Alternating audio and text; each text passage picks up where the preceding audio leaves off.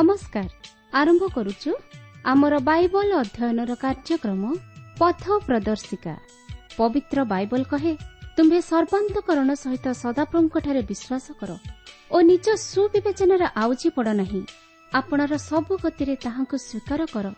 ତହିଁରେ ସେ ତୁମ୍ଭର ପଥ ସବୁ ସରଳ କରିବେ। ଆସନ୍ତୁ ସେହି ପଥ ପ୍ରଦର୍ଶକଙ୍କର ସନ୍ଧାନ ପାଇବା ନିମନ୍ତେ ଶୁଣିବା ବେତାର କାର୍ଯ୍ୟକ୍ରମ ପଥ ପ୍ରଦର୍ଶିକା।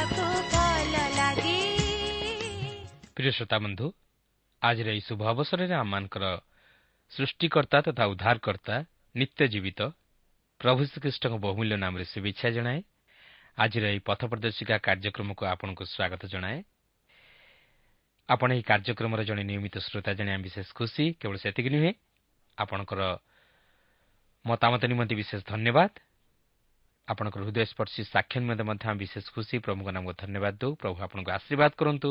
ଆହୁରି ଆହୁରି ଆତ୍ମିକ ଜୀବନରେ ବର୍ଦ୍ଧିଷ୍ଣୁ କରାନ୍ତୁ। ଆସନ୍ତୁ ପ୍ରଭୁଙ୍କର ବାକ୍ୟ ମଧ୍ୟକୁ ଯିବା ପୂର୍ବରୁ ସଂକ୍ଷେପରେ ପ୍ରାର୍ଥନା କରିବା।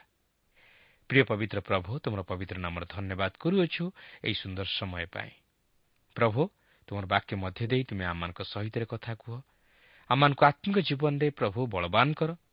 ଆମମାନଙ୍କୁ ଏକ ସରଳ ବିଶ୍ୱାସର ହୃଦୟ ଦିଅ।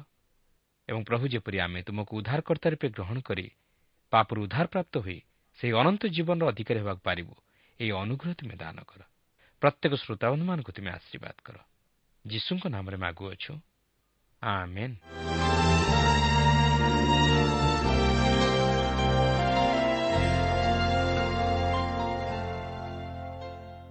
ଆସନ୍ତୁ ବର୍ତ୍ତମାନ ଆମେ ପ୍ରଭୁଙ୍କର ବାକ୍ୟ ମଧ୍ୟକୁ ଯିବା। ଆଜି ଆମେ ପ୍ରଥମ ସାମୁଏଲ ପୁସ୍ତକର ବାର ପର୍ବର ଛଅ ପଦରୁ ଆରମ୍ଭ କରି ତେର ପର୍ବର ତେଇଶ ପଦ ପର୍ଯ୍ୟନ୍ତ ଅଧ୍ୟୟନ କରିବା ନିମନ୍ତେ ଯିବା।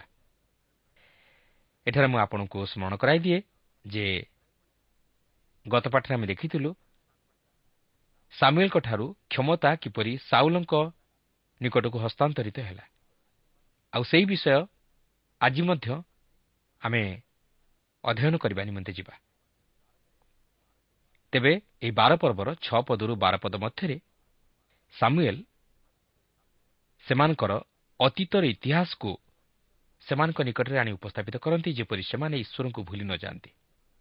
ମାତ୍ର ତାହାଙ୍କର ନିକଟବର୍ତ୍ତୀ ହୋଇ ତାହାଙ୍କର ସେବା କରନ୍ତି। ତେବେ ମୁଁ ଏହାକୁ ଆଉ ବ୍ୟାଖ୍ୟା କରିବାକୁ ଯାଉନାହିଁ କାରଣ ଏଥିପୂର୍ବରୁ ଆମେ ଏହି ସମସ୍ତ ବିଷୟ ଅଧ୍ୟୟନ କରି ଆଲୋଚନା କରିସାରିଛୁ। ତେବେ ବାର ପର୍ବର ତେର ପଦରେ ଏହିପରି ଲେଖା ଅଛି ଏହେତୁ ତୁମେମାନେ ଯାହାକୁ ମନୋନୀତ କଲ ଓ ତୁମେମାନେ ଯାହା ପାଇଁ ପ୍ରାର୍ଥନା କଲ ତୁମମାନଙ୍କର ସେହି ରାଜାଙ୍କୁ ଏବେ ଦେଖ। ଦେଖ ସଦାପ୍ରଭୁ ତୁମମାନଙ୍କ ଉପରେ ଏକ ରାଜା ନିଯୁକ୍ତ କଲେ। ଏଠାରେ ସାମୁଏଲ ସ୍ପଷ୍ଟ କରିଦିଅନ୍ତି ଯେ ସାଉଲ ଲୋକମାନଙ୍କ ପସନ୍ଦ ଅନୁଯାୟୀ ରାଜା ହେଲେ ମାତ୍ର ଈଶ୍ୱରଙ୍କର ପସନ୍ଦ ଅନୁଯାୟୀ ନୁହେଁ। ଅନେକ ସମୟରେ ଲୋକମାନେ ମତ ଦିଅନ୍ତି ଯେ ବହୁ ଲୋକଙ୍କ ହୃଦୟରେ ଯାହା ଜାଗ୍ରତ ହୁଏ ତାହା ଈଶ୍ୱର ବାଣୀ କିନ୍ତୁ ପବିତ୍ର ବାଇବଲ ଏହି ଉକ୍ତିକୁ ଖଣ୍ଡନ କରେ। ଅଳ୍ପ ଲୋକ ଯଦି ଈଶ୍ୱରଙ୍କ ଇଚ୍ଛା ଅନୁଯାୟୀ କାର୍ଯ୍ୟ କରିଥାନ୍ତି ତାହେଲେ ତାହା ଈଶ୍ୱରଙ୍କ ଦ୍ୱାରା ଗୃହୀତ ହୋଇଥାଏ। ପ୍ରଭୁ ସଂଖ୍ୟାଗରିଷ୍ଠତା ଦେଖନ୍ତି ନାହିଁ। ମାତ୍ର ମନୁଷ୍ୟ ଦେଖେ। ସେଥିପାଇଁ ପ୍ରଭୁ ଯୀଶୁ ମଧ୍ୟ କହନ୍ତି ଯେଉଁଠାରେ ଦୁଇ କି ତିନି ଜଣ ମୋହର ନାମରେ ଏକତ୍ରିତ ହୁଅନ୍ତି ସେହି ସ୍ଥାନରେ ମୁଁ ବିଦ୍ୟମାନ। ଲୋକମାନେ ସାଉଲଙ୍କୁ ରାଜା ରୂପେ ଚାହୁଁଥିଲେ ମାତ୍ର ଈଶ୍ୱର ଦାଉଦଙ୍କୁ ଚାହୁଁଥିଲେ। ଆଉ ଏହି ଦାଉଦ ଇସ୍ରାଏଲ୍ର ଦ୍ୱିତୀୟ ରାଜା ହେଲେ ଯାହାକି ଆମେ ପରେ ପାଠ କଲେ ଜାଣିପାରିବା। ଦେଖନ୍ତୁ ଈଶ୍ୱରଙ୍କ ଓ ମନୁଷ୍ୟର ପସନ୍ଦ ମଧ୍ୟରେ କେତେ ଭିନ୍ନତା। କାରଣ ମନୁଷ୍ୟ ବାହ୍ୟ ରୂପ ଦେଖେ ମାତ୍ର ସଦାପ୍ରଭୁ ଅନ୍ତଃକରଣ ଦେଖନ୍ତି। ଏହାପରେ ବାର ପର୍ବର ଚଉଦ ପଦରେ ଆମେ ଦେଖୁ ଯେ ସାଉଲ ଲୋକମାନଙ୍କର ପସନ୍ଦ ଅନୁଯାୟୀ ରାଜା ହୋଇଥିବାରୁ ଯେ ସଦାପ୍ରଭୁ ସାଉଲଙ୍କୁ ଅଗ୍ରାହ୍ୟ କରିବେ ତାହା ନୁହେଁ ସେ ସାଉଲଙ୍କୁ ଅଗ୍ରାହ୍ୟ କରିନଥିଲେ। ଈଶ୍ୱର ତାହାଙ୍କୁ ମଧ୍ୟ ସୁଯୋଗ ପ୍ରଦାନ କରିଥିଲେ। କିନ୍ତୁ ସାମୁଏଲ ଏଠାରେ ସ୍ମରଣ କରାଇ ଦିଅନ୍ତି ଯେ ପ୍ରତ୍ୟେକ ଈଶ୍ୱରଙ୍କର ବଶୀଭୂତ ହୋଇ ରହିବା ଆବଶ୍ୟକ। ଏହାପରେ ବାର ପର୍ବର ପନ୍ଦର ପଦରେ ସାମୁଏଲ କହିବାକୁ ଚାହାନ୍ତି ଯେ ଯଦି ଇସ୍ରାଏଲ୍ ସନ୍ତାନଗଣ ଈଶ୍ୱରଙ୍କର ବାଧ୍ୟ ହୋଇ ତାହାଙ୍କର ସେବା କରିବେ ତାହେଲେ ସେ ସେମାନଙ୍କୁ ଆଶୀର୍ବାଦ କରିବେ। ଯଦି ସେମାନେ ତାହାଙ୍କର ସେବା ନ କରନ୍ତି ତାହେଲେ ବିଚାରିତ ହେବେ। ଏହାପରେ ବାର ପର୍ବର ଷୋହଳ ପଦରୁ ଅଠର ପଦ ମଧ୍ୟରେ ଆମେ ଦେଖୁ ଯେ ସାମୁଏଲ ପ୍ରକୃତରେ ଈଶ୍ୱରଙ୍କ ଦ୍ୱାରା ମନୋନୀତ ଭବିଷ୍ୟତ ବକ୍ତା ଥିଲେ। ଏଲିଓଙ୍କ ପ୍ରାର୍ଥନା ଦ୍ୱାରା ଯେ ମେଘଗର୍ଜନ ଓ ବୃଷ୍ଟି ହେଲା ତାହା ନୁହେଁ। ସାମୁଏଲ ହେଉଛନ୍ତି ପ୍ରଥମ ବ୍ୟକ୍ତି ଯିଏକି ମେଘଗର୍ଜନ ଓ ବୃଷ୍ଟି ନିମନ୍ତେ ଈଶ୍ୱରଙ୍କ ନିକଟରେ ପ୍ରାର୍ଥନା କରିବା ଦ୍ୱାରା ସେହିପରି ଘଟିଥିଲା। ଏବଂ ଏଥିରୁ ପ୍ରମାଣିତ ହେଲା ଯେ ସାଉଲଙ୍କୁ ରାଜା କରିବା ନିମନ୍ତେ ଈଶ୍ୱରଙ୍କର ଅଭିମତ ନଥିଲା। ମାତ୍ର ଏହା ମନୁଷ୍ୟ ଆଡ଼ୁ ଘଟିଥିଲା ତଥାପି ଈଶ୍ୱର ସାଉଲଙ୍କୁ ରାଜା ହେବା ନିମନ୍ତେ ଅଗ୍ରାହ୍ୟ କରିନଥିଲେ। ମାତ୍ର ତାହାଙ୍କର ଜୀବନର ପରିବର୍ତ୍ତନ ନିମନ୍ତେ ମଧ୍ୟ ତାହାଙ୍କୁ ସୁଯୋଗ ଦେଇଥିଲେ। ଏହାପରେ ବାର ପର୍ବର ଉଣେଇଶ ପଦରେ ଆମେ ଦେଖୁ ଯେ ସେମାନେ ରାଜା ମାଗି ପାପ କଲେ। ଅନ୍ୟ ବିଜାତୀୟମାନଙ୍କ ପରି ସେମାନେ ଜଣେ ରାଜାଙ୍କୁ ମାଗିବା ଦ୍ୱାରା ସେମାନେ ଈଶ୍ୱରଙ୍କୁ ରାଜା ରୂପେ ଗ୍ରହଣ କରିବା ନିମନ୍ତେ ଅଗ୍ରାହ୍ୟ କଲେ। ଏହାପରେ ବାର ପର୍ବର କୋଡ଼ିଏ ପଦରେ ଆମେ ଦେଖୁ ଯେ ସାମୁଏଲ ସେମାନଙ୍କୁ ସାନ୍ତ୍ୱନା ଦେବାକୁ ଯାଇ ସେମାନଙ୍କୁ କହନ୍ତି ତୁମେମାନେ ଯାହା କରିଅଛ ସେଥି ନିମନ୍ତେ ଅନୁତାପ କରି ସାରିଅଛ। କିନ୍ତୁ ତୁମେମାନେ ପୁନର୍ବାର ଯେପରି ଈଶ୍ୱରଙ୍କଠାରୁ ବିମୁଖ ନ ହୋଇ ତାହାଙ୍କର ସେବା କରିବାକୁ ପାର ଏଥି ନିମନ୍ତେ ଯତ୍ନବାନ ହୁଅ। ସେପରି ଭୁଲ ଆଉ କର ନାହିଁ। ପ୍ରିୟ ବନ୍ଧୁ ଆପଣ ଆପଣଙ୍କର ପଛ ଜୀବନରେ ଘଟିଥିବା ସମସ୍ତ ପାପକୁ ସ୍ମରଣ କରି ଆପଣଙ୍କର ଜୀବନକୁ ନଷ୍ଟ କରନ୍ତୁ ନାହିଁ। ମାତ୍ର ଯଦି ଆପଣ ପ୍ରଭୁ ଯୀଶୁଖ୍ରୀଷ୍ଟଙ୍କର ନିକଟବର୍ତ୍ତୀ ହୋଇ ତାଙ୍କଠାରେ ନିଜର ପାପ ସବୁ ସ୍ୱୀକାର କରନ୍ତି ତାହେଲେ ସେ ଆପଣଙ୍କୁ କ୍ଷମା ଦେବେ ଓ ସେ ଅନନ୍ତ ଜୀବନର ପଥରେ କଢ଼ାଇ ନେବେ। ଈଶ୍ୱର ଆପଣଙ୍କୁ ଆଶୀର୍ବାଦ କରିବେ। ତେଣୁ ଯାହା ଘଟିଯାଇଛି ତହି ନିମନ୍ତେ ଚିନ୍ତା କରି ହତାଶ ହୁଅନ୍ତୁ ନାହିଁ। ମାତ୍ର ଖ୍ରୀଷ୍ଟଙ୍କ ନିକଟବର୍ତ୍ତୀ ହୋଇ ତାଙ୍କଠାରେ ସେହିସବୁ ସ୍ୱୀକାର କରି ପାପରୁ ଉଦ୍ଧାର ପାଇ ସେହି ନୂତନ ଜୀବନରେ ଏକ ନୂତନ ସ୍ୱାଦ ଉପଲବ୍ଧି କରନ୍ତୁ। ଏହାପରେ ବାର ପର୍ବର ଏକୋଇଶ ପଦରେ ଆମେ ଦେଖୁ ଲେଖା ଅଛି ପୁଣି ତୁମେମାନେ ବିପଥଗାମୀ ନ ହୁଅ ଯଦି ହୁଅ ତେବେ ତୁମେମାନେ ଅବସ୍ତୁ ସକଳର ଅନୁଗାମୀ ହେବ।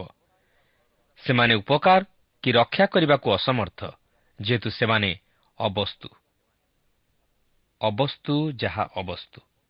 ମାତ୍ର ଈଶ୍ୱର ହେଉଛନ୍ତି ସର୍ବଶକ୍ତିମାନ ସର୍ବବ୍ୟାପୀ ଓ ସର୍ବପରାକ୍ରମୀ। ତାଙ୍କର ପ୍ରେମ ଅନୁଗ୍ରହ ସେ ପ୍ରଭୁ ଯୀଶୁଙ୍କ ମାଧ୍ୟମରେ ଏହି ଜଗତ ପ୍ରତି ପ୍ରକାଶ କରିଅଛନ୍ତି। ସେହି ପ୍ରଭୁ ଯୀଶୁ ଏକମାତ୍ର ଜଗତର ଉଦ୍ଧାରକର୍ତ୍ତା ଯାହାଙ୍କୁ ଧରିଲେ ଆମେ ବିଫଳ ହେବା ନାହିଁ ମାତ୍ର ସଫଳତାର ପଥରେ ଅଗ୍ରସର ହେବା। ବାର ପର୍ବର ବାଇଶ ପଦରେ ଲେଖା ଅଛି ସଦାପ୍ରଭୁ ଆପଣା ମହାନାମ ସକାଶୁ ଆପଣା ଲୋକମାନଙ୍କୁ ତ୍ୟାଗ କରିବେ ନାହିଁ। କାରଣ ତୁମମାନଙ୍କୁ ଆପଣା ଲୋକ କରିବା ପାଇଁ ସଦାପ୍ରଭୁ ସନ୍ତୁଷ୍ଟ ହୋଇଅଛନ୍ତି। ଏହି ପଦଟି ଅତି ଚମତ୍କାର ପଦ। ଆପଣ କ'ଣ ସେହି ପ୍ରଭୁ ଯୀଶୁଙ୍କ ନାମ ମୁଖରେ ନେଇଛନ୍ତି? ସେ କ'ଣ ଆପଣଙ୍କର ଉଦ୍ଧାରକର୍ତ୍ତା ଅଟନ୍ତି? ଆପଣ ଯଦି ତାହାଙ୍କୁ ଗ୍ରହଣ କରିଛନ୍ତି ତାହେଲେ ସେ ଆପଣଙ୍କୁ କେବେ ହେଲେ ପରିତ୍ୟାଗ କରିବେ ନାହିଁ। ଏହାପରେ ବାର ପର୍ବର ତେଇଶରୁ ପଚିଶ ପଦରେ ଆମେ ଲକ୍ଷ୍ୟ କରୁ ଯେ ପ୍ରାର୍ଥନା ହେଉଛି ଶକ୍ତି। ପ୍ରାର୍ଥନାଶୀଳ ଜୀବନ ପାପ ଉପରେ ଜୟ ପ୍ରଦାନ କରେ। ପ୍ରାର୍ଥନାର ଅଭାବରେ ମନୁଷ୍ୟ ପାପରେ ପତିତ ହୁଏ। ଇସ୍ରାଏଲ୍ ଯେପରି ପତିତ ନ ହୁଅନ୍ତି ଏଥି ନିମନ୍ତେ ସାମୁଏଲ ପ୍ରାର୍ଥନା କରୁଥିଲେ। ଆଜି ଆମେ ଆମର ପରିବାର ସମାଜ ମଣ୍ଡଳୀ ତଥା ଦେଶ ନିମନ୍ତେ କ'ଣ ପ୍ରାର୍ଥନା କରୁଛୁ କି? କିନ୍ତୁ ଏହା ଆମ ପ୍ରତ୍ୟେକଙ୍କର ଦାୟିତ୍ୱ। ଯଦି ଆମେ ତାହା ନ କରୁ ତାହେଲେ ଆମେ ପାପ କରୁ। ପ୍ରିୟ ବନ୍ଧୁ ଆମେ ଅନ୍ୟମାନଙ୍କୁ ସତର୍କ କରାଇବା ସଙ୍ଗେ ସଙ୍ଗେ ନିଜେ ମଧ୍ୟ ସେମାନଙ୍କ ନିମନ୍ତେ ପ୍ରାର୍ଥନା କରିବା ଉଚିତ। କାରଣ ଧାର୍ମିକର ପ୍ରାର୍ଥନା ଅନେକ କାର୍ଯ୍ୟ ସାଧନ କରିପାରେ ବୋଲି ପବିତ୍ର ବାଇବେଲ ପ୍ରକାଶ କରେ। ତେଣୁ ଆମେ ନିଜେ ନିଜ ନିମନ୍ତେ ପ୍ରାର୍ଥନା କରିବା ସହିତ ଅନ୍ୟମାନଙ୍କ ନିମନ୍ତେ ମଧ୍ୟ ପ୍ରାର୍ଥନା କରିବା ଉଚିତ। ତେବେ ଏହି ତେର ପର୍ବରେ ଆମେ ସାଉଲ କିପରି ଈଶ୍ୱରଙ୍କର ବିଦ୍ରୋହାଚରଣ କଲେ ତାହା ଲକ୍ଷ୍ୟ କରିବାକୁ ଯିବା। ବର୍ତ୍ତମାନ ଆମେ ସାଉଲଙ୍କର ପ୍ରକୃତ ସ୍ୱଭାବ ଧୀରେ ଧୀରେ ପ୍ରକାଶିତ ହେବାର ଲକ୍ଷ୍ୟ କରିବାକୁ ଯିବା। ତାଙ୍କ ପୁତ୍ର ଜୋନାଥନ ମିକ୍ମସ୍ ଯୁଦ୍ଧରେ ବିଜୟୀ ହେଲେ କିନ୍ତୁ ସାଉଲ ତାହା ଜୟ କରିଅଛନ୍ତି ବୋଲି କହି ସମସ୍ତ ଗୌରବ ନେବାକୁ ଚାହିଁଲେ। ଏହିପରି ଭାବେ ସେ ମଧ୍ୟ ଯାଜକଙ୍କର କାର୍ଯ୍ୟାଳୟ ମଧ୍ୟରେ ଅବାଧରେ ପ୍ରବେଶ କଲେ ଯଦ୍ୱାରା ସାମୁଏଲ ସାଉଲଙ୍କୁ ଅନୁଯୋଗ କଲେ ଓ ତାହାଙ୍କୁ ଅଗ୍ରାହ୍ୟ କଲେ। ଏହି ତେର ପର୍ବରେ ଆମେ ସାଉଲଙ୍କର ପ୍ରକୃତ ରୂପ ଦେଖିବାକୁ ପାରୁ। ବାହ୍ୟ ଦୃଷ୍ଟିକୋଣରୁ ସେ ରାଜା ହେବା ନିମନ୍ତେ ମନୋନୀତ ହୋଇଥିଲେ। ମାତ୍ର ତାହାଙ୍କର ଆଭ୍ୟନ୍ତରୀଣ ଜୀବନ ପ୍ରତି ଯଦି ଆମେ ଦୃଷ୍ଟି ଦେବା ତାହେଲେ ସେ ରାଜା ହେବା ନିମନ୍ତେ ଯୋଗ୍ୟ ନଥିଲେ। ତେର ପର୍ବର ପ୍ରଥମ ଚାରିପଦରେ ଲେଖା ଅଛି ସାଉଲ ତିରିଶ ବର୍ଷ ବୟସରେ ରାଜା ହେଲେ ଓ ସେ ଇସ୍ରାଏଲ୍ ଉପରେ ତିରିଶ ଉପରେ ଦୁଇ ବର୍ଷ ରାଜତ୍ୱ କଲେ। ପୁଣି ସାଉଲ ଆପଣା ପାଇଁ ଇସ୍ରାଏଲ୍ ମଧ୍ୟରୁ ତିନି ହଜାର ଲୋକ ମନୋନୀତ କଲେ। ଏମାନଙ୍କର ଦୁଇ ହଜାର ମିକ୍ମସ୍ରେ ଓ ବୈଥଲ ପର୍ବତରେ ସାଉଲଙ୍କ ସଙ୍ଗରେ ରହିଲେ। ଆଉ ଏକ ହଜାର ବିନ୍ୟାମିନ୍ ପ୍ରଦେଶସ୍ଥ ଗିବିଆରେ ଜୋନାଥନ ସଙ୍ଗରେ ରହିଲେ। ପୁଣି ଅବଶିଷ୍ଟ ଲୋକମାନଙ୍କର ପ୍ରତ୍ୟେକକୁ ସେ ଆପଣା ଆପଣା ତମ୍ବୁକୁ ବିଦାୟ କଲେ। ଆଉ ଜୋନାଥନ ଗେବାସ୍ଥିତ ପଲେଷ୍ଟିୟମାନଙ୍କ ପ୍ରହରୀ ସୈନ୍ୟ ଦଳକୁ ସଂହାର କରନ୍ତେ ପଲେଷ୍ଟିୟମାନେ ତାହା ଶୁଣିଲେ। ସେତେବେଳେ ସାଉଲ ଦେଶର ସର୍ବତ୍ର ତୁରି ବଜାଇ କହିଲେ ଏବ୍ରିଓ ଲୋକମାନେ ଶୁଣନ୍ତୁ ତହୁ ସାଉଲ ଯେ ପଲେଷ୍ଟିୟମାନଙ୍କ ପ୍ରହରୀ ସୈନ୍ୟ ଦଳକୁ ସଂହାର କରିଅଛନ୍ତି ଓ ମଧ୍ୟ ଇସ୍ରାଏଲ୍ ଯେ ପଲେଷ୍ଟିୟମାନଙ୍କ ନିକଟରେ ଦୁର୍ଗନ୍ଧ ସ୍ୱରୂପ ହୋଇଅଛନ୍ତି ଏହା ସମୁଦାୟ ଇସ୍ରାଏଲ୍ ଶୁଣିଲେ। ଏଣୁ ଲୋକମାନେ ସାଉଲଙ୍କ ପାଖରେ ଗିଲଗଲରେ ଏକତ୍ର ହେଲେ। ସାଉଲଙ୍କର ପ୍ରକୃତ ରୂପ ଏଠାରେ ଆମେ ଲକ୍ଷ୍ୟ କରୁଅଛୁ। ଏହା ବର୍ତ୍ତମାନ ଆରମ୍ଭ ହେବାକୁ ଯାଉଅଛି। ଆମେ ଦେଖୁ ଯେ ଜୋନାଥନ ପଲେଷ୍ଟିୟମାନଙ୍କ ପ୍ରହରୀ ସୈନ୍ୟ ଦଳକୁ ସଂହାର କଲେ। କିନ୍ତୁ ବାହାଦୁରୀ କିଏ ନେଲା? ସାଉଲ। ଜୋନାଥନ ଯିଏ ଜଣେ ସୁଦକ୍ଷ ସେନାନାୟକ ଥିଲେ ତାହା ଏଥିରୁ ଜଣାଯାଏ। କେବଳ ସେତିକି ନୁହେଁ ପରେ ମଧ୍ୟ ଆମେ ଦେଖିବାକୁ ପାରିବା ଯେ ଜୋନାଥନ ଏକ ଚତୁରତାର ସହିତ କୌଶଳ ପ୍ରୟୋଗ କରି ଆଉ ଏକ ଯୁଦ୍ଧରେ ମଧ୍ୟ ଜୟୀ ହୋଇଥିଲେ। କିନ୍ତୁ ଏହି ମିକ୍ମସ୍ ଯୁଦ୍ଧରେ ଜୋନାଥନ ପ୍ରକୃତରେ ଯୁଦ୍ଧ କରିଥିଲେ କିନ୍ତୁ ସାଉଲ ତୁରି ବଜାଇଥିଲେ ସାଉଲ ତହିଁର ବାହାଦୁରୀ ନେଇଥିଲେ। ସେ ନିଜର ପୁତ୍ର ଜୋନାଥନକୁ ତହିଁର ବାହାଦୁରୀ ନେବାକୁ ସୁଯୋଗ ଦେଇନଥିଲେ ସେ ସମସ୍ତ ଇସ୍ରାଏଲୀୟମାନଙ୍କୁ ଏକତ୍ର କରି ଏକ ଭୁଲ ବିବରଣୀ ପ୍ରଦାନ କରିଥିଲେ। କିନ୍ତୁ ସୈନ୍ୟମାନେ ଜାଣିଥିଲେ ଯେ ସାଉଲଙ୍କର ବିବରଣୀ ସତ୍ୟ ନୁହେଁ। ତେଣୁ ସେମାନେ ଜୋନାଥନର ଅନୁଗାମୀ ହେଲେ। ଲୋକମାନେ ଜାଣିବାକୁ ପାରିଲେ ଯେ ସାଉଲଙ୍କ ସୈନ୍ୟଦଳ ମଧ୍ୟରେ କିଛି ଦୁର୍ବଳତା ରହିଅଛି। ଆଉ ତାହା ହେଉଛି ସାଉଲଙ୍କର ଗର୍ବ। କ'ଣ ସାଉଲ ଜଣେ ନମ୍ର ବ୍ୟକ୍ତି ଥିଲେ? ନୁହେଁ। ସେ କେବଳ ତହିଁର ଛଳନା କରୁଥିଲେ। ତେର ପର୍ବର ପାଞ୍ଚ ଓ ଛଅ ପଦରେ ଆମେ ଦେଖୁ ଯେ ପ୍ରକୃତିରେ ପଲେଷ୍ଟିୟମାନେ ପୁନର୍ବାର ଯୁଦ୍ଧ କରିବାକୁ ଏକତ୍ର ହେଲେ ଓ ସେମାନେ ସଦଳ ବଳେ ଇସ୍ରାଏଲୀୟମାନଙ୍କ ସହିତ ଯୁଦ୍ଧ କରିବାକୁ ଆଗେଇ ଆସିଲେ। ଏହାପରେ ତେର ପର୍ବର ସାତ ପଦରୁ ନଅ ପଦରେ ଆମେ ଦେଖୁ ଯେ ସାଉଲଙ୍କ ବିଷୟ ନେଇ ଆମେ ଆଉ ଏକ ଘଟଣା ଲକ୍ଷ୍ୟ କରିବାକୁ ପାରୁ। ସେ ଭାବିଲେ ଯେ ଯେହେତୁ ସେ ଜଣେ ରାଜା ତେଣୁ ସେ ମଧ୍ୟ ହୋମବଳି ଉତ୍ସର କରିପାରିବେ। ତେଣୁକରି ସେ ହୋମବଳି ଉତ୍ସର କଲେ। ପରେ ମଧ୍ୟ ଆମେ ଦେଖିବାକୁ ପାରିବା ଯେ ଉଷୀୟ ରାଜା ମଧ୍ୟ ସେହିପରି ଯାଜକୀୟ କାର୍ଯ୍ୟ ସମ୍ପାଦନ କରିବାରୁ ସେ ଈଶ୍ୱରଙ୍କ ଦ୍ୱାରା ଭୟଙ୍କର ଭାବେ ବିଚାରିତ ହେଲେ ଯାହାକି ଦ୍ୱିତୀୟ ବଂଶାବଳୀ ଛବିଶ ପର୍ବରେ ଉଲ୍ଲେଖ ହୋଇଅଛି। ବାସ୍ତବରେ ଈଶ୍ୱର ଯେଉଁ ବିଷୟ କେବଳ ଯାଜକମାନଙ୍କ ବିନା ଅନ୍ୟ କାହାରିକୁ ସମ୍ପାଦନ କରିବା ନିମନ୍ତେ ଅନୁମତି ଦେଇନଥିଲେ ସାଉଲ ସେହି କାର୍ଯ୍ୟ ସମ୍ପାଦନ କରିବା ଦ୍ୱାରା ଈଶ୍ୱରଙ୍କର ବିରୁଦ୍ଧାଚରଣ କାର୍ଯ୍ୟ କଲେ। କାରଣ ହୋମବଳି ଉତ୍ସର କରିବା କେବଳ ଯାଜକଙ୍କର କାର୍ଯ୍ୟ ଥିଲା। ତେବେ ଦେଖନ୍ତୁ ସାଉଲ ଏପରି କରିବା ଦ୍ୱାରା ଫଳ କ'ଣ ହେଲା। ତେର ପର୍ବର ଦଶ ଓ ଏଗାର ପଦରେ ଏହିପରି ଲେଖା ଅଛି ପୁଣି ସେ ହୋମବଳି ଉତ୍ସର କରିବାର ସମାପ୍ତ କରିବା ମାତ୍ର ଦେଖ ସାମୁଏଲ ଉପସ୍ଥିତ ହେଲେ। ତହିଁରେ ସାଉଲ ତାଙ୍କୁ ମଙ୍ଗଳବାଦ କରିବା ପାଇଁ ଭେଟିବାକୁ ଗଲେ। ଏଥିରେ ସାମୁଏଲ କହିଲେ ତୁମେ କ'ଣ କଲ? ସାଉଲ ଉତ୍ତର କଲେ ମୁଁ ଦେଖିଲି ଯେ ଲୋକମାନେ ମୋ ନିକଟରୁ ଛିନ୍ନ ଭିନ୍ନ ହେଉଅଛନ୍ତି। ପୁଣି ନିରୂପିତ ଦିବସ ମଧ୍ୟରେ ତୁମ୍ଭେ ଆସିଲ ନାହିଁ। ମଧ୍ୟ ପଲେଷ୍ଟିୟମାନେ ମିକ୍ମସରେ ଏକତ୍ର ହୋଇଅଛନ୍ତି। ଦେଖନ୍ତୁ ସାଉଲଙ୍କର ସାମୁଏଲଙ୍କ ପ୍ରତି ପ୍ରତ୍ୟୁତ୍ତର। କ'ଣ ଆପଣ ଭାବୁଛନ୍ତି? ସାଉଲଙ୍କର କ'ଣ ଏହିପରି ଉତ୍ତର ଦେବା ଠିକ୍ ଥିଲା? ସାଉଲ ଏଠାରେ ନିଜର ଭୁଲକୁ ସ୍ୱୀକାର କରିବାକୁ ଚାହୁଁନାହାନ୍ତି। ମାତ୍ର ଅପରପକ୍ଷରେ ସାମୁଏଲ ଓ ଅନ୍ୟମାନଙ୍କୁ ଦୋଷ ଦେଉଛନ୍ତି। ଦେଖନ୍ତୁ ସାଉଲ ଯାହା କରିବାର ଉଚିତ ରହିଥିଲା ତାହା ସେ ନିଜର ଅଧୈର୍ଯ୍ୟତା ହେତୁ ଓ ନିଜର ସ୍ୱାର୍ଥକୁ ଦୃଷ୍ଟି ଆଗରେ ରଖି କରିଥିଲେ। କିନ୍ତୁ ସେ ସାମୁଏଲଙ୍କ ଆଗମନ ପର୍ଯ୍ୟନ୍ତ ଅପେକ୍ଷା କରିପାରିଲେ ନାହିଁ। ତେବେ ସାମୁଏଲଙ୍କ ନିମନ୍ତେ ସେ କାହିଁକି ଅପେକ୍ଷା କରି ରହିପାରିଲେ ନାହିଁ ତାହାର ମଧ୍ୟ ତିନୋଟି କାରଣ ଦର୍ଶାନ୍ତି। ପ୍ରଥମତଃ ସେ କହନ୍ତି ଲୋକମାନେ ଛିନ୍ନ ଭିନ୍ନ ହୋଇଗଲେ। ଦ୍ୱିତୀୟରେ ସେ କହନ୍ତି ପଲିଷ୍ଟିୟମାନେ ତାହାଙ୍କ ବିରୁଦ୍ଧରେ ଉଠି ଆସୁଥିଲେ ଓ ତୃତୀୟରେ ସାମୁଏଲ ପହଞ୍ଚିବାରେ ବିଳମ୍ବ କଲେ। କିନ୍ତୁ ସାଉଲ ଯେଉଁପରି ଭାବୁଥିଲେ ଘଟଣା ସେପରି ନଥିଲା। ସେ ମନକୁ ମନ ସେହିପରି ଭାବି କାର୍ଯ୍ୟ କଲେ ଓ ଏଥିନିମନ୍ତେ ଅନ୍ୟମାନଙ୍କୁ ଦୋଷ ଦେଲେ। କିନ୍ତୁ ସାଉଲଙ୍କର ଏପରି କାର୍ଯ୍ୟ ଈଶ୍ୱରଙ୍କ ଦୃଷ୍ଟିରେ ଗ୍ରହଣଯୋଗ୍ୟ ନଥିଲା। ସେ ନିଜର ମନ ମୁତାବକ ଏହିସବୁ କଲେ। ତେର ପର୍ବର ବାର ପଦରେ ଲେଖା ଅଛି ଏଥିପାଇଁ ମୁଁ କହିଲି ପଲେଷ୍ଟିୟମାନେ ଏହି କ୍ଷଣି ମୋ ବିରୁଦ୍ଧରେ ଗିଲଗଲକୁ ଓହ୍ଲାଇ ଆସିବେ। ମାତ୍ର ମୁଁ ସଦାପ୍ରଭୁଙ୍କର ଅନୁଗ୍ରହ ମାଗି ନାହିଁ। ଏ ନିମନ୍ତେ ମୁଁ ସାହସ ବାନ୍ଧି ହୋମବଳି ଉତ୍ସର୍ଗ କଲି। ସାଉଲ ଜାଣିଥିଲେ ତାହା କରିବାଟା ଭୁଲ। ମାତ୍ର ସେ ନିଜେ ସାହସ କରି ସେହିପରି କଲେ। ସେଠାରେ ମିଛ କହୁଅଛନ୍ତି। ସେ ନିଜର ଦୋଷକୁ ଘୋଡ଼ାଇବା ପାଇଁ ମିଛ କହୁଛନ୍ତି। ଏହା ହିଁ ଥିଲା ସାଉଲଙ୍କର ପ୍ରକୃତ ରୂପ। ପ୍ରିୟ ବନ୍ଧୁ ଅନେକ ସମୟରେ ଆମେ ଗୋଟିଏ ଭୁଲ କରି ସେହି ଭୁଲଟିକୁ ଘୋଡ଼ାଇବା ନିମନ୍ତେ ଅନେକ ଗୁଡ଼ିଏ ମିଛ କହି ପାପ କରି ବସୁ। କିନ୍ତୁ ପ୍ରଭୁ ତାହା ଜାଣନ୍ତି ଯେହେତୁ ସେ ଆମର ଅନ୍ତଃକରଣର କଳ୍ପନା ଜାଣନ୍ତି ଆମେ ପ୍ରଭୁଙ୍କଠାରୁ କିଛି ଲୁଚାଇ ପାରିବା ନାହିଁ। ଦେଖନ୍ତୁ ସାଉଲ ନିଜର ଦୋଷକୁ ଘୋଡ଼ାଇବା ପାଇଁ କେତେଗୁଡ଼ିଏ ମିଛ ବାହାନା ଦେଖାଉଛନ୍ତି। କିନ୍ତୁ ତାହା କ'ଣ ସମ୍ଭବ? ଯାହା ସତ୍ୟ ତାହା କେବେ ଲୁଚି ରହିପାରେ ନା। ଏହା କୌଣସି ମତେ ପ୍ରକାଶ ପାଇଥାଏ। ଦେଖନ୍ତୁ ସାମୁଏଲ ସାଉଲକୁ କ'ଣ କହୁଛନ୍ତି ତେର ପର୍ବର ତେର ଓ ଚଉଦ ପଦରେ ଏହିପରି ଲେଖା ଅଛି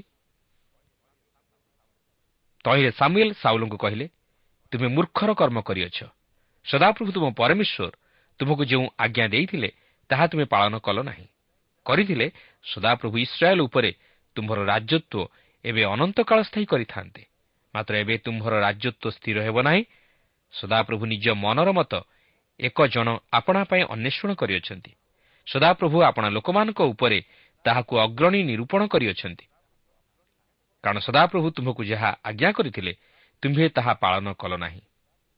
ଦେଖନ୍ତୁ ସାଉଲଙ୍କୁ ଆଗରୁ କୁହାଯାଇଥିଲା ଯେ ଯଦି ସେ ଈଶ୍ୱରଙ୍କର ବାଧ୍ୟ ହୁଅନ୍ତି ତାହେଲେ ସେ ଆଶୀର୍ବାଦ ପ୍ରାପ୍ତ ହେବେ। ଯଦି ଅବାଧ୍ୟ ହୁଅନ୍ତି ତାହେଲେ ଈଶ୍ୱରଙ୍କ ବିଚାରର ସମ୍ମୁଖୀନ ହେବେ। ଆଉ ସେହି ବିଚାର ଏହି ଯେ ତାହାଙ୍କର ରାଜ୍ୟ ସ୍ଥିର ହେବ ନାହିଁ। ଯଦି ସେ ଈଶ୍ୱରଙ୍କର ଆଜ୍ଞାଭବ ହୁଅନ୍ତି ତାହେଲେ ତାହାଙ୍କ ରାଜ୍ୟ ଅନନ୍ତ କାଳ ସ୍ଥାୟୀ ହେବ। ଦେଖନ୍ତୁ ବାଧ୍ୟତାର ଫଳ। କିନ୍ତୁ ମନୁଷ୍ୟ ସଦାସର୍ବଦା ନିଜ ଇଚ୍ଛାରେ କାର୍ଯ୍ୟ କରିବାକୁ ଚାହେଁ। ସେ ନିଜେ ସ୍ୱାଧୀନ ଭାବରେ ସବୁକିଛି କରିବାକୁ ଚାହେଁ। ସେ କାହାର ଅଧୀନରେ ରହିବାକୁ ଚାହେଁ ନା। ସାଉଲ ଜଣେ ରାଜା ହିସାବରେ ଯଥେଷ୍ଟ ସ୍ୱାଧୀନତା ପାଇଥିଲେ। ମାତ୍ର ସେ ଭୁଲିଗଲେ ଯେ ସେ ଜଣଙ୍କର ଅଧୀନରେ ଅଛନ୍ତି। ସେ ସେହି ସ୍ୱାଧୀନତାର ଅପଚୟ କଲେ। ସେହି କ୍ଷମତାର ଅପଚୟ କଲେ। ସେହି ଆଇନର ବିରୁଦ୍ଧରେ କଲେ। ଫଳତଃ ସେ ନିଜ ଜୀବନରୁ ସବୁକିଛି ହରାଇ ବସିଲେ। ଜଣେ ଶାସକର ଜୀବନ ଯଦି ଈଶ୍ୱର ବିହୀନ ହୁଏ ଓ ଈଶ୍ୱରଙ୍କ ଅଧୀନତା ସ୍ୱୀକାର ନ କରେ ତାହେଲେ ସେ ଶାସକ ନୁହେଁ ମାତ୍ର ଶୋଷକ। ଶାସକର କାର୍ଯ୍ୟ ନୁହେଁ କେବଳ ଆଇନ ପ୍ରଣୟନ କରିବା ମାତ୍ର ଆଇନକୁ କାର୍ଯ୍ୟକାରୀ କରିବା। ଯେଉଁ ଶାସକ ଈଶ୍ୱରଙ୍କ ଦ୍ୱାରା ଶାସିତ ନୁହେଁ ସେ କେବେ ହେଲେ ଜଣେ ଉତ୍ତମ ଶାସକ ହୋଇନପାରେ ଆଜି ମଧ୍ୟ ସେହିପରି ଏକ ଶାସକର ଅଭାବ ରହିଅଛି। କିନ୍ତୁ ଏହି ଅଭାବ ସେ ପର୍ଯ୍ୟନ୍ତ ପୂରଣ ହୋଇପାରିବ ନାହିଁ ଯେପର୍ଯ୍ୟନ୍ତ ପ୍ରଭୁ ଯୀଶୁଖ୍ରୀଷ୍ଟ ଏହି ଜଗତକୁ ଆଗମନ କରି ତାହାଙ୍କ ରାଜ୍ୟ ପ୍ରତିଷ୍ଠା କରିନାହାନ୍ତି କାରଣ ସେ ରାଜାମାନଙ୍କର ରାଜା ଓ ପ୍ରଭୁମାନଙ୍କର ପ୍ରଭୁ ହୋଇ ଏହି ଜଗତକୁ ଆଗମନ କରୁଅଛନ୍ତି ଏହି ଜଗତରେ ତାହାଙ୍କର ଶାନ୍ତି ରାଜ୍ୟ ପ୍ରତିଷ୍ଠା କରିବା ପାଇଁ ସାଉଲ ଈଶ୍ୱରଙ୍କର ଅବାଧ୍ୟ ହେଲେ ତେଣୁକରି ଈଶ୍ୱର ଆଉ ଜଣେ ବ୍ୟକ୍ତିଙ୍କୁ ରାଜା କରିବା ପାଇଁ ସ୍ଥିର କରିଅଛନ୍ତି। ସେ ପରେ ତାହାଙ୍କୁ ଲୋକଲୋଚନକୁ ଆଣିବାକୁ ଯାଉଅଛନ୍ତି। ଏପରିକି ସାମୁଏଲ ମଧ୍ୟ ଜାଣନ୍ତି ନାହିଁ ଯେ କିଏ ସେହି ବ୍ୟକ୍ତି। ଏହାପରେ ତେର ପର୍ବର ପନ୍ଦରରୁ ଅଠର ପଦ ମଧ୍ୟରେ ଆମେ ଦେଖୁ ଯେ ସାମୁଏଲ ଉଠି ଗିବିଆକୁ ଚାଲିଗଲେ। ମାତ୍ର ଏହାପରେ ସାଉଲ ଏକ ଭୟଙ୍କର ଯୁଦ୍ଧର ସମ୍ମୁଖୀନ ହେବାକୁ ଯାଉଅଛନ୍ତି। ପଲେଷ୍ଟିୟ ସୈନ୍ୟ ଶ୍ରେଣୀ ଇସ୍ରାଏଲ୍ ବିରୁଦ୍ଧରେ ଯୁଦ୍ଧ ସଜାଇଲେଣି। ସେମାନେ ଅସ୍ତ୍ରଶସ୍ତ୍ର ସହିତ ସଜ୍ଜିତ ହୋଇ ଯୁଦ୍ଧ କରିବା ନିମନ୍ତେ ପ୍ରସ୍ତୁତ। ମାତ୍ର ଇସ୍ରାଏଲ୍ର ସୈନ୍ୟ ଶ୍ରେଣୀ ନିରସ୍ତ୍ର। ସେମାନଙ୍କ ହାତରେ କୌଣସି ଅସ୍ତ୍ରଶସ୍ତ୍ର ନାହିଁ। ତାଛଡ଼ା ସାଉଲଙ୍କ ନିକଟରେ ମାତ୍ର ଛଅଶହ ଲୋକ ଅଛନ୍ତି। କେବଳ ମାତ୍ର ସାଉଲ ଓ ତାହାଙ୍କ ପୁତ୍ର ଜୋନାଥନ ହସ୍ତରେ ଖଡ଼ଗ ଓ ବର୍ଚ୍ଛା ଥିଲା। ଭାବି ଦେଖନ୍ତୁ ସାଉଲ ବର୍ତ୍ତମାନ ଭୟଙ୍କର ବିପଦର ସମ୍ମୁଖୀନ ହେବାକୁ ଯାଉଅଛନ୍ତି। ସେ ଯାହା ଚାହୁଁନଥିଲେ ତାହା ବର୍ତ୍ତମାନ ତାହାଙ୍କ ଜୀବନରେ ଘଟିବାକୁ ଯାଉଅଛି। ପଲେଷ୍ଟିୟମାନଙ୍କର ଏହା ଥିଲା ସମର କୌଶଳ ଯେପରି ସେ ଇସ୍ରାଏଲ୍ ସନ୍ତାନଗଣକୁ ନିରସ୍ତ୍ର କରି ସେମାନଙ୍କ ଉପରେ ବିଜୟୀ ହେବେ। ତେର ପର୍ବର ଉଣେଇଶରୁ ଏକୋଇଶ ପଦରେ ଆମେ ଦେଖୁ ଯେ ପଲେଷ୍ଟିୟମାନେ ଇସ୍ରାଏଲୀୟମାନଙ୍କୁ ନିରସ୍ତ୍ର କରିଥିଲେ କାରଣ ସେହି ସମୟରେ ଇସ୍ରାଏଲ୍ ଦେଶରେ କମାର ମିଳୁନଥିଲେ। ତେଣୁକରି ଇସ୍ରାଏଲୀୟମାନଙ୍କୁ ସେମାନଙ୍କର ଚାଷବାସ ଉପକରଣ ବ୍ୟବହାର କରିବା ନିମନ୍ତେ କେବଳ ଅନୁମତି ମିଳିଥିଲା। କିନ୍ତୁ ସେହି ସମସ୍ତ ଉପକରଣକୁ ଧାର କରିବା ପାଇଁ ମଧ୍ୟ ସେମାନଙ୍କୁ ପଲେଷ୍ଟିୟମାନଙ୍କ ନିକଟକୁ ଯିବାକୁ ହେଉଥିଲା। ତେଣୁକରି ଏହିପରି ଭାବେ ପଲେଷ୍ଟିୟମାନେ ଇସ୍ରାଏଲୀୟମାନଙ୍କର ଯୁଦ୍ଧାସ୍ତ୍ରର ହିସାବ ମଧ୍ୟ ରଖୁଥିଲେ। ସେମାନଙ୍କ ପାଖରେ ଅସ୍ତ୍ରଶସ୍ତ୍ର ନାହିଁ ବୋଲି ମଧ୍ୟ ସେମାନେ ଜାଣିଥିଲେ। ତେଣୁକରି ସେମାନେ ଇସ୍ରାଏଲ୍ ବିରୁଦ୍ଧରେ ଯୁଦ୍ଧ କରିବା ନିମନ୍ତେ ଅତି ସାହସର ସହିତ ଉଠି ଆସିଥିଲେ ତେର ପର୍ବର ବାଇଶ ଓ ତେଇଶ ପଦରେ ଆମେ ଦେଖୁ ଯେ କେବଳ ଦୁଇ ଜଣଙ୍କ ହସ୍ତରେ ଯୁଦ୍ଧାସ୍ତ୍ର ଥିଲା। ସେମାନେ ଦୁଇ ଜଣ ଥିଲେ ସାଉଲ ଓ ତାହାଙ୍କର ପୁତ୍ର ଜୋନାଥନ ଆଉ ମୁଁ ଭାବୁଛି ଅନ୍ୟ ସମସ୍ତଙ୍କ ହସ୍ତରେ ବୋଧହୁଏ ସେହି ଦାନ୍ଥଡ଼ା ଫାଳ ଛୁରୀ କୁରାଢ଼ୀ ଓ କୋଡ଼ି ପ୍ରଭୃତି ଥିବ। ଆଉ ଏହି ସମସ୍ତ ଧରି ସେମାନେ ପଲେଷ୍ଟିମାନଙ୍କ ବିରୁଦ୍ଧରେ ଯୁଦ୍ଧ କରିବା ନିମନ୍ତେ ପ୍ରସ୍ତୁତ ହୋଇଥିଲେ। ତେବେ ସେ ଯାଉନା କାହିଁକି? ଇସ୍ରାଏଲ୍ ପକ୍ଷରୁ ଜୋନାଥନ ଯେ ସେମାନଙ୍କ ବିରୁଦ୍ଧରେ ଯାଇ ଯୁଦ୍ଧ କରି ସେମାନଙ୍କୁ ପରାସ୍ତ କଲେ ତାହା ଆମେ ପରବର୍ତ୍ତୀ କାର୍ଯ୍ୟକ୍ରମରେ ଅଧ୍ୟୟନ କରି ଆଲୋଚନା କରିବାକୁ ଯିବା। କିନ୍ତୁ ଏହିଠାରେ ଆମେ ତେର ପର୍ବଟି ସମ୍ପୂର୍ଣ୍ଣ ଅଧ୍ୟୟନ କରି ସମାପ୍ତ କଲୁ। ମାତ୍ର ଏଠାରେ ଆମେ ସାଉଲଙ୍କର ବାସ୍ତବ ରୂପ ଲକ୍ଷ୍ୟ କରିବାକୁ ପାରିଲୁ। ପୂର୍ବରୁ ଯଦିଓ ତାହାଙ୍କର ପ୍ରକୃତ ସ୍ୱଭାବ ଜଣାପଡ଼ୁନଥିଲା ମାତ୍ର ପରେ ପରେ ଆମେ ତାହାଙ୍କର ହୃଦୟର ବାସ୍ତବ ଚିନ୍ତାଧାରାକୁ ଜାଣିବାକୁ ପାରୁଛୁ ଯେ ସେ ପ୍ରକୃତିରେ ସରଳ ନଥିଲେ। ସେ ବହୁତ ଚତୁରତାର ସହିତ କାର୍ଯ୍ୟ କରୁଥିଲେ। ସେ ଈଶ୍ୱରଙ୍କର ବିଦ୍ରୋହାଚରଣ କଲେ। ଈଶ୍ୱର ଯେଉଁ ହୋମବଳି ଯାଜକମାନଙ୍କ ବିନା ଅନ୍ୟ କେହି ଉତ୍ସର୍ଗ କରିପାରିବେ ନାହିଁ ବୋଲି କହିଥିଲେ ସାଉଲ ତାହା ଖଣ୍ଡନ କଲେ। ତଥାପି ସେ ନିଜର ଭୁଲ ସ୍ୱୀକାର କଲେ ନାହିଁ। ମାତ୍ର ଅପରପକ୍ଷରେ ମିଥ୍ୟା କହି ତାହା ଘୋଡ଼ାଇବାକୁ ଚେଷ୍ଟା କଲେ ଓ ଅନ୍ୟମାନଙ୍କ ଉପରେ ଦୋଷ ଢାଳିଲେ। ସେ ନିଜର ଭୁଲ ନିମନ୍ତେ ଅନୁତାପ ମଧ୍ୟ କରୁନାହାନ୍ତି। ମାତ୍ର ଆହୁରି ପାପ ଉପରେ ପାପ କରିଚାଲିଲେ। ସେ ଈଶ୍ୱରଙ୍କ ଅବାଧ୍ୟ ହେବାରୁ ତାହାଙ୍କଠାରୁ ମଧ୍ୟ ସେହି ରାଜପଦ ଛଡ଼ାଇ ନିଆଗଲା ଯାହାକି ଆମେ ପରେ ଦେଖିବାକୁ ପାରିବା। ପ୍ରିୟ ବନ୍ଧୁ ଆମେ ଈଶ୍ୱରଙ୍କ ଅବାଧ୍ୟ ହେବା ଦ୍ୱାରା ତାହାଙ୍କର ଆଶୀର୍ବାଦରୁ ବଞ୍ଚିତ ହେଉ। ଜୀବନରେ ବିଫଳତାର ସମ୍ମୁଖୀନ ହେଉ। ଈଶ୍ୱର ଆମ ସପକ୍ଷରେ ଆଉ ନଥାନ୍ତି। ମାତ୍ର ସେ ଆମ ବିପକ୍ଷରେ ରହି କାର୍ଯ୍ୟ କରନ୍ତି। ଫଳତଃ ଆମେ ଶତ୍ରୁ ସମ୍ମୁଖରେ ଲଜ୍ଜିତ ହେଉ ଅପମାନିତ ହେଉ ମନୁଷ୍ୟମାନଙ୍କ ଦୃଷ୍ଟିରେ ଘୃଣାର ପାତ୍ର ହେଉ। ଆମେ ଜୀବନରେ କୌଣସି କାର୍ଯ୍ୟରେ ସଫଳତା ହାସଲ କରିପାରୁନା। ଯେଉଁ ଡାଳ ଧରୁ ସେହି ଡାଳ ଛିଡ଼ିଯାଏ ଯେଉଁ କାର୍ଯ୍ୟ କରୁ ତହିଁରେ ଈଶ୍ୱରଙ୍କର ଆଶୀର୍ବାଦ ନଥାଏ ଆମ ଜୀବନରେ ସମସ୍ୟା ଘେରି ଆସେ। ସାଉଲଙ୍କ ଜୀବନରେ ତାହା ହିଁ ଘଟିଲା। ସେ ଶତ୍ରୁର ସମ୍ମୁଖୀନ ହେଲେ। ଅଶାନ୍ତିକର ପରିସ୍ଥିତି ମଧ୍ୟରେ ଜୀବନ ଅତିବାହିତ କଲେ। ଶତ୍ରୁର ଭୟ ତାହାଙ୍କର ମନକୁ ବିଚଳିତ କରିବାରେ ଲାଗିଲା। କାରଣ ସେ ଈଶ୍ୱରଙ୍କ ଉପରେ ନିର୍ଭର ନ କରି ଓ ଈଶ୍ୱରଙ୍କର ସହାୟତା ନ ଲୋଡ଼ି ସମସ୍ତ କାର୍ଯ୍ୟ କରିବାକୁ ଚାହିଁଥିଲେ। ସେ ନିଜକୁ ନିଜେ ଠିକ୍ କରୁଛନ୍ତି ବୋଲି ଭାବିଲେ। ଈଶ୍ୱରଙ୍କ ବାକ୍ୟକୁ ତୁଚ୍ଛ ଜ୍ଞାନ କଲେ। ଫଳରେ ସେ ନିଜେ ନିଜ ପାଇଁ ଖାତ ଖୋଳିଲେ ଓ ଈଶ୍ୱରଙ୍କ ଆଶୀର୍ବାଦରୁ ବଞ୍ଚିତ ହେଲେ। ପ୍ରିୟ ବନ୍ଧୁ ଯେଉଁ ମନୁଷ୍ୟ ନିଜ ଜ୍ଞାନରେ ଓ ଚିନ୍ତାଧାରାରେ ପରିଚାଳିତ ହୋଇ କାର୍ଯ୍ୟ କରେ ମାତ୍ର ଈଶ୍ୱରଙ୍କର ସହାୟତା ନ ଲୋଡ଼େ ସେହି ମନୁଷ୍ୟ କେବେ ହେଲେ ତାହାର ଜୀବନରେ ସଫଳତା ଲାଭ କରିପାରେ ନାହିଁ। ଓ ଯେଉଁ ମନୁଷ୍ୟ ନିଜର ପାପ ନିମନ୍ତେ ଅନୁତାପ ନ କରି ସେହି ପାପକୁ ଘୋଡ଼ାଇବାକୁ ଯାଇ ଗୋଟିକ ପରେ ଗୋଟିଏ ପାପ କରେ ସେହି ମନୁଷ୍ୟ କେବେ କ୍ଷମା ପାଏ ନାହିଁ। ଶେଷରେ ବିନଷ୍ଟ ହୁଏ ଓ ତାହାର ଜୀବନ ନରକଗାମୀ ହୁଏ। ପ୍ରିୟ ବନ୍ଧୁ ଆପଣ ଯଦି ପାପ କରିଛନ୍ତି ତାହେଲେ ଭୟ କରନ୍ତୁ ନାହିଁ। ମାତ୍ର ତହିଁ ନିମନ୍ତେ ଅନୁତାପ କରି ତାହା ପ୍ରଭୁ ଯୀଶୁଖ୍ରୀଷ୍ଟଙ୍କଠାରେ ସ୍ୱୀକାର କରନ୍ତୁ। ତାହେଲେ ଆପଣ ପାପରୁ ଉଦ୍ଧାର ପାଇବା ସଙ୍ଗେ ସଙ୍ଗେ ଜୀବନରେ ଶାନ୍ତି ପାଇବେ।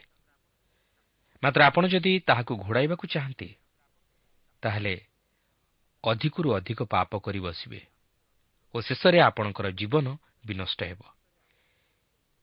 ଈଶ୍ୱର ମଧ୍ୟ ତାହା ଚାହାନ୍ତି ନାହିଁ ଯେ ଆପଣ ପାପରେ ବିନଷ୍ଟ ହୁଅନ୍ତୁ। ମାତ୍ର ସେ ଆପଣଙ୍କୁ ଉଦ୍ଧାର କରିବା ପାଇଁ ଚାହାନ୍ତି।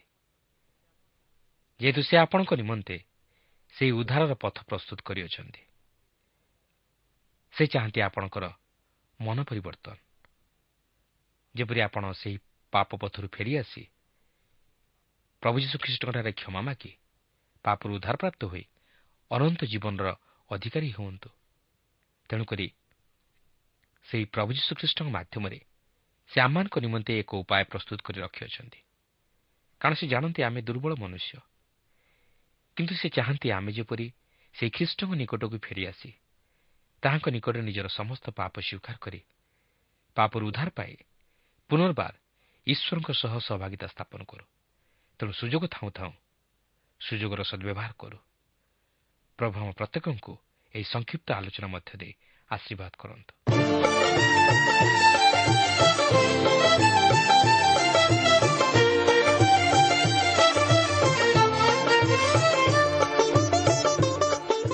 ପ୍ରିୟ ଶ୍ରୋତା ଏହି କାର୍ଯ୍ୟକ୍ରମ ଶୁଣିଥିବାରୁ ଆପଣଙ୍କୁ ଅଶେଷ ଧନ୍ୟବାଦ। ଏହି କାର୍ଯ୍ୟକ୍ରମ ଆପଣଙ୍କୁ କିପରି ଲାଗିଲା ଓ କେଉଁ ବିଷୟଟି ଆପଣଙ୍କ ହୃଦୟକୁ ଅଧିକ ସ୍ପର୍ଶ କରିଛି ତାହା ଲେଖି ଜଣାଇଲେ ଆମେ ବିଶେଷ ଉପକୃତ ହେବୁ। ଯଦି କିଛି ପ୍ରଶ୍ନ ବା ସନ୍ଦେହ ଥାଏ ତାହା ପତ୍ର ମାଧ୍ୟମରେ ଅଥବା ଟେଲିଫୋନ୍ ଯୋଗେ ଆମକୁ ଜଣାନ୍ତୁ।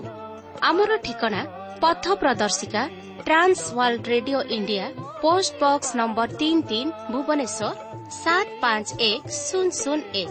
Mobile number nine seven double seven double two one four one five ଠିକଣାଟି ଆଉଥରେ ଶୁଣନ୍ତୁ। ପଥ ପ୍ରଦର୍ଶିକା Trans World Radio India post box number three three Bhubaneswar seven five one zero zero one mobile number nine seven double seven double two one four one five ଆମର email ଆଡ୍ରେସ୍ଟି ଲେଖି ରଖନ୍ତୁ Odia TTV at radio eight eight two dot com ତେବେ ଆଜି ପାଇଁ ଏଠାରେ ରଖୁଛୁ।